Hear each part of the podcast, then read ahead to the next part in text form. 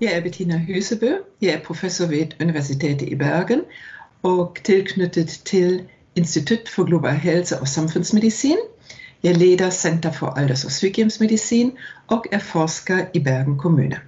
Jeg ønsker å snakke om omsorg i livets slutt for personer med demens. I 2017 har Helsedirektoratet i samarbeid med Nasjonal kompetansetjeneste for aldring og helse utarbeidet nasjonalfaglige retningslinjer for demens. Retningslinjene um, bør tilbys gjennom hele sykdomsforløpet, inkludert forhåndssamtaler, utredning og behandling av smerte og lindrende behandling i livets slutt. Personer med demens dør vanligvis ikke pga. demens, men ofte med multimorbiditet. Figuren av Bala viser at eh, nøkkelsykdommer eller indekssykdommer, som f.eks. koronahjertesykdom, er ofte assosiert med andre sykdommer, som f.eks. hypertensjon, eller kols eller smertesymptomer. Demens er typiskvis korrelert med hypertensjon, depresjon eller slag. Eh, når vi ser her videre på denne figuren, der ser vi også at kun 5% av personer med demens ikke har sammensatte andre sykdommer, altså ikke er multimorbide. Det er veldig viktig når vi ser på overlevelsestiden etter diagnosestilling, som er da vanligvis i gjennomsnitt 4,5 år. Men i avhengighet av sammensatte sykdommer kan det også være kortere eller lengre. I Norge har vi 900 sykehjem med om lag 40 000 plasser. Mer enn 100 000 personer eh, har demens i Norge, og 30 000 bor på et sykehjem. 80 av alle sykehjemspasienter har en demensdiagnose. De har også om lag fem til seks kronisk komplekse sykdommer, altså multimorbiditet. Og 57% av alle i den døende befolkningen dør på sykehjem. Kun 10% hjemme. Hele altså sammensatt gjør det til en stor arena for omsorg i livets slutt på sykehjem. Multimorbiditet fører også til polyfarmasi, fordi vi ønsker ofte å behandle alt. I gjennomsnitt tar sykehjemspasienter om lag åtte faste medikamenter, og de får om lag fire medikamenter ved behov. Nesten 40 får antidepressiva og mer enn 40 får to eller flere sentralvirkende medikamenter. Det er veldig relevant innenfor omsorg i livets slutt, fordi polyfarmasi kan maskere pasientens reelle tilstand. Og en systematisk medikamentgjennomgang er veldig viktig for å identifisere pasientens reelle, reell tilstand. For å kunne gjennomføre optimal omsorg i livets slutt, må vi være informert om ulike forløp, altså sykdomsrelaterte forløp i livets slutt. Hvis vi ser på en kreftforløp, så kan vi ofte identifisere point of no return. Disse kreftpasientene har ofte en bedre behandling av smerte, åndenød, obstipasjon. Og de får ofte et bedre tilbud om kommunikasjon og etiske avgjørelser.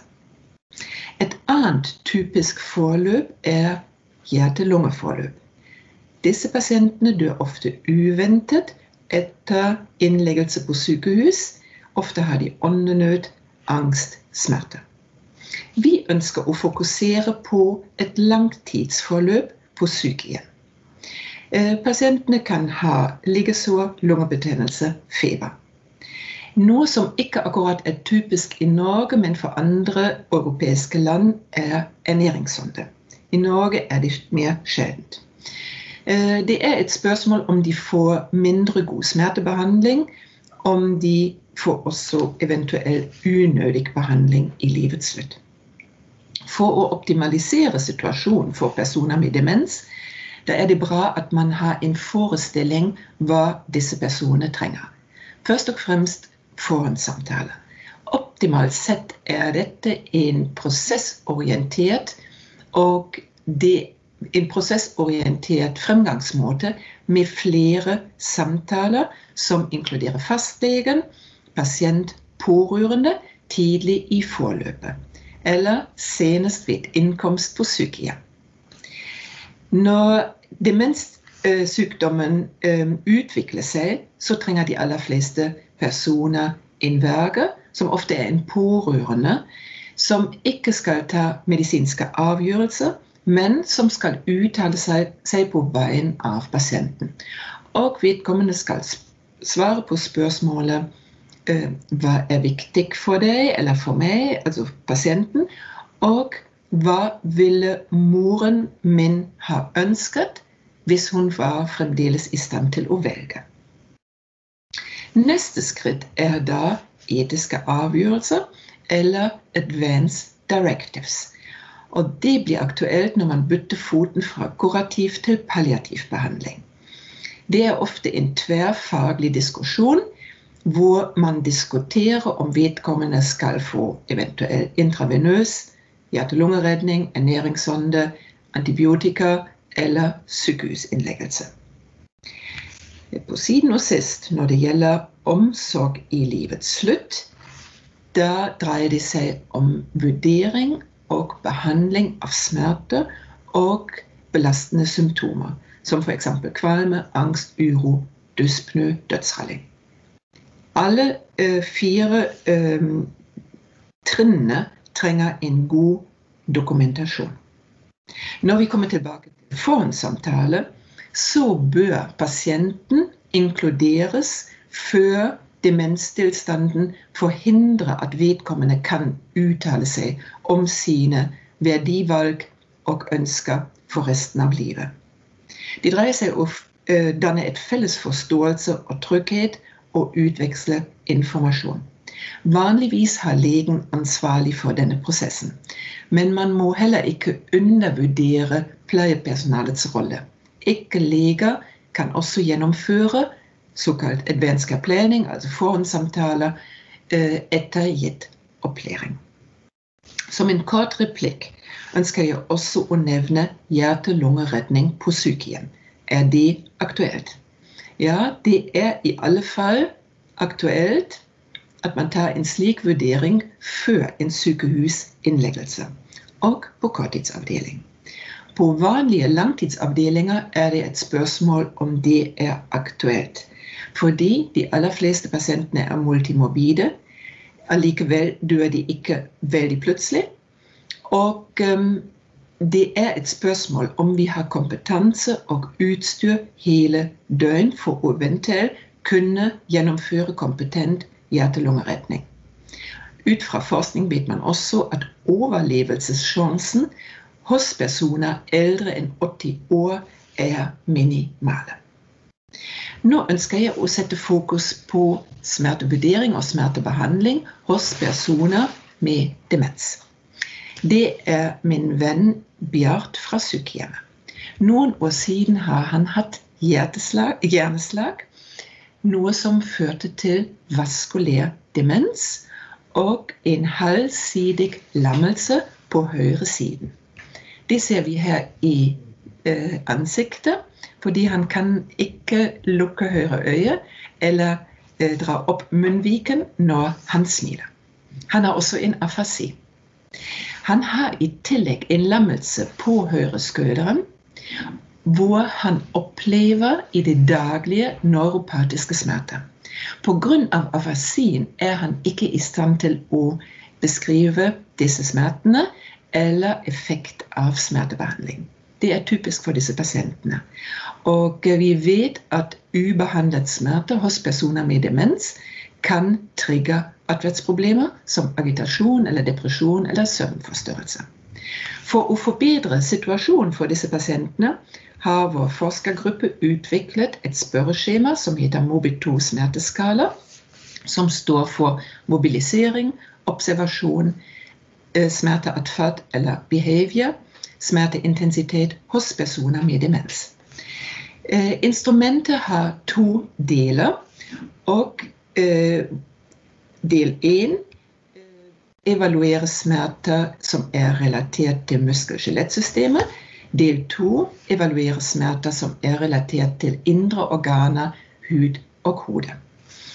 Disse smerteevalueringer er basert på smertelyder, hva pasienten sier, forandringer i ansiktet og avvekreaksjon. Instrumentet er lett til å bruke, og det er implementert i mange sykehjem i Norge, oversatt til flere språk. Og det er testet i forhold til validitet, reliabilitet og responsivitet. Og spesielt responsivitet er veldig viktig når vi trenger et spørreskjema for å måle smerter i forbindelse med kliniske studier. Så er det et spørsmål. Bruker vi egentlig nok smertemedisin på sykehjem i Norge? Ja, det kan vi svare på. Fordi vi vet at vi har hatt en gradvis økning med bruk av smertemedikamenter på sykehjem fra nærmest uh, 20 til, uh, i 2000 til over 60% i 2011. samtidig ser vi at det er ikke underforbruk av analgetika som bestemmer om pasientene er velbehandlet, men vi antar at den riktige pasienten får ofte ikke den riktige medisinen til riktig tidspunkt. Testing, oppfølging og seponering samt ikke-medikamentell behandling er de store utfordringer på sykehjem per i dags dato. I en aktuell placebokontrollert studie hvor vi brukte buprenorfin hos sykehjemspasienter med demens, så vi at denne behandlingen ble ikke tålt optimalt. Og um, denne artikkelen her, um, skrevet av Anne Erdal, beskriver at smertemedikamenter hos personer med demens kan forverre tilstanden. F.eks. at de blir veldig rolig, eller at de blir agitert. Eller at de ikke lenger kunne delta i daglige gjøremål. Det ble også uh, omtalt i The Guardians, som satt stor fokus på våre forskningsresultater. Aktuelt kunne vi også vise at um, kroniske smerter på sykehjem er på en måte underbehandlet, men på en annen måte får de nok med smertemedisin. For å optimalisere det må vi se på hva som egentlig er mulig. Eh, behandling med paracetamol eller en antiflugistikum som Ibux eller Voltaren er vanlig brukt. Utfordringen er når personer med demens får f.eks. paracetamol tre ganger for dagen Eh, de siste tre årene av sine liv. Det er ingen god smertebehandling. Antiflogistika som Ibux og Voltaren har en veldig god smertelindrende effekt, men bør ikke gis lenger enn syv dager pga. Eh, bivirkninger på nyrene, hjerte og mage. Eh, det er ikke anbefalt å bruke svake opioider som Paraginforte eller Nobligan for eldre personer og personer med demens. Eh, det ifølge av eh, amerikansk Geriatrics Society. Det som anbefales, er bruk av sterke opioider eller morfin, eh, fentanylplaster eller drogesik eller buprenorfin slash norspanplaster.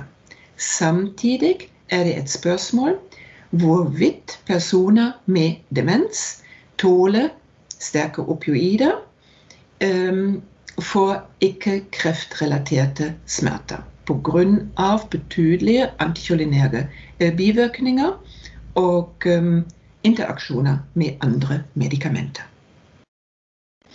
Så eh, jeg ønsker å gå et skritt videre og eh, ønsker å rette fokus på å identifisere livets slutt. Det er ofte ikke lett når forløpet er gradvis og langstrukket over mange måneder. Samtidig um, er det avgjørende for å kunne gi optimal symptomlindring i livets slutt. Åndenød, smerter, trykksår uh, er ofte koblet mot begrenset levetid. Men allikevel sier litteraturen at mange dør uforberedt. I samarbeid med Nasjonal kompetansetjeneste for aldring og helse har vi bidratt til Reddik-studien og undersøkt eh, de siste dager av sykehjemmets eh, pasientenes liv. Og fant at nesten 40 eh, i livets slutt var ikke vurdert å være døende. Mange døde med smerter, søvnproblemer, angst, depresjon. Og dyspne og dødsralling økte betydelig siste levedag. Så det er et spørsmål. Hva bidrar egentlig til dyspnø og dødsralling, som er hyppige symptomer i livets slutt? Årsaken til dyspnø kan være så mangt. Det kan være angst, hjertesvikt, lungeødem, feber, øh, lungebetennelse, ascites, anemi, økt hjernetrykk ved hjernetumor, muskelsvikt. Men dyspnø fikk også veldig mye omtale i forbindelse med covid-19. Mange pasienter døde da plutselig og dyspnø oppstår ofte pga. en plutselig forandring eh, innenfor lille kretsløpet, altså hjerte-lunge-kretsløpet. Det er et spørsmål hvordan vi skal behandle dyspnø i livets slutt. Det er avgjørende at vi tar oss tiden til å bedømme situasjonen. Sett deg ned, observer nøye, tenk nøye om hva du skal gjøre. Ofte kan man gjøre noe, Ofte kan man ikke gjøre noe med årsaken. Behold roen, og noen skal være sammen med pasienten. En pasient med dyspnø skal ikke være alene. Så er det først og fremst et spørsmål. Dyspnø er det betinget gjennom terminal hjertesvikt med lungeødem. Her ser dere både det lille kretsløpet og det store kretsløpet. Og vi vet at 65% av alle pasienter som dør, dør pga. hjertesvikt. Fordi hjertet er det siste som svikter. Og det bidrar ofte til intensiv dyspnø. Hvis vi har en stuvning i lungen med lungeødem, da er det et spørsmål om vi bør tilby en diuretikum, altså eh, en vanndrivende medisin. Det bør vi gjøre hos døende pasienter kun når det virkelig er utsikt på bedring. Ofte har pasienten allerede lavt blodtrykk, og da virker ikke denne behandlingen. Det er også et spørsmål om vi bør uh, tilby søtstoff. Uh, og det bør vi gjøre kun ved massiv akutt hjertesvikt, f.eks. For i forbindelse med hjerteinfarkt eller hjerneinfarkt, eller f.eks. I forbindelse med covid-19. Eh, alle pasienter som opplever dyspnø i livets slutt, bør få en behandling med morfin. Det virker sentralt på det limbiske systemet og bidrar til likegyldighet og at pasienten tåler denne situasjonen. Det bidrar også til økonomisering av respirasjonsarbeid, fordi dyspnø arter seg ofte slik at pasienten puster veldig rask og overfladisk. Og morfin bidrar til en økonomisering med dyp inn- og utpust.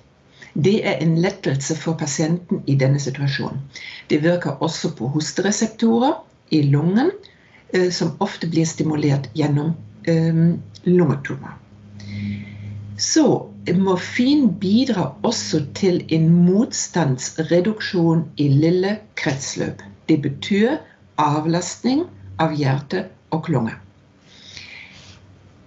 Og her understår faktisk at alle må vite det. At morfin er ikke bare ved smerte aktuelt, men også aktuelt ved behandling av dyspne i livets slutt.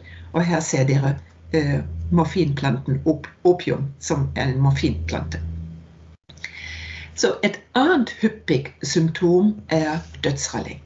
Dødsralling er en støyende respirasjon i livets slutt hos halvvåkne eller bevisstløse pasienter som ikke lenger kan svelge eller hoste opp slim. Og det bidrar til en løs obstruksjon i luftveiene. De fleste pasientene syns ikke å være plaget av disse lydene, men det er en stor stress til pårørende og personale. Og dødsralling, som høres ut som kan være veldig plagsom for de som er rundt. Så da er det altså et spørsmål med alle disse lydene. Hva er egentlig hva? Dødsralling versus lungeødem. Dødsralling har to typer. Type 1-dødsralling er en økt spyttsekresjon når døden er nærforestående og svelgerefleksen er redusert. Pasienten er ofte bevisstløs og her er det indikasjon for to medikamenter, skopolamin eller robinol. Typ 2 dødsralling er en økt bronkialsekresjon over flere dager fordi vedkommende er for svak til å hoste opp, men er våken.